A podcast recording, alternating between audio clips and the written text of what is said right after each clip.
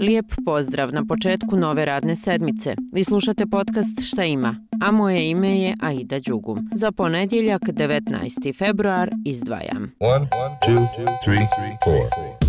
Predsjednik Republike Srpske Milorad Dodik u Minsku se sastaje sa bjeloruskim predsjednikom Aleksandrom Lukašenkom.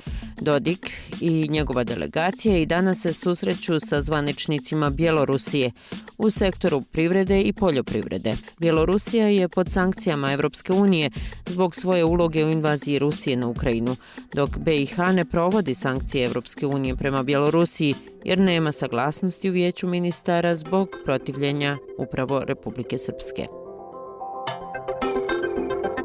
o u Bjelorusiji će između ostalog raspravljati i ministri Vijeća Evropske unije za vanjske poslove, koji se sastaju danas u Briselu. Kako je najavio Josef Borelj, visoki predstavnik Evropske unije za vanjsku politiku i sigurnost, i supruga kritičara Kremlja Alekseja Navalnog, koji je umro u petak u zatvoru, prisustvovaće sastanku. Borelj je na društvenoj mreži X napisao da će ministri Evropske unije poslati snažnu poruku podrške borcima za slobodu u Rusiji i odati počast uspomeni na Alekseja Navalnog.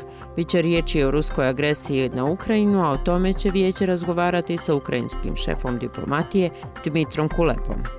Ministri će razmatrati i situaciju na Bliskom istoku, a razgovarat će i sa Singrid Gag, višim koordinatorom UN-a za humanitarna pitanja i obnovu gaze.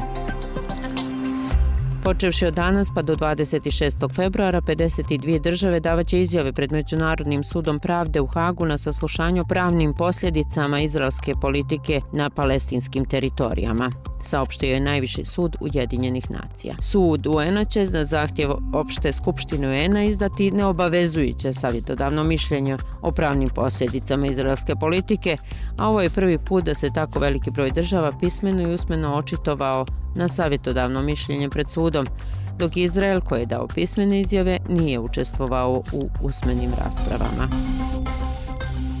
iz regije. U glavnom gradu Srbije zakazana je konstitutivna sjednica Skupština grada Beograda, ali je još je neizvjesno da li će biti postignut dogovor o formiranju gradske vlasti ili će se ipak ići u nove izbore.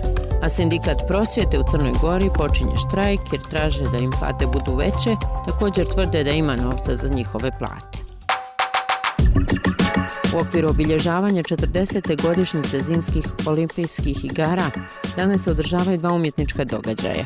U Sarajevu svečano otvaranje umjetničke instalacije Sarajevo Olympic Journey autorice Dine Selesković te koncert Erika Bretona s prijateljima. Instalacija autorice Edine Selesković je drugačiji pristup olimpijskim oblicima koji svoj put nastavljaju nadogradnjom na ideju kruga kao simbola putovanja kroz vrijeme i sjećanje, beskonačnosti ljudskog duha i ideje. Otvaranje ovog umjetničkog dijela prati muzički performans kompozitora Erika Bretona s prijateljima.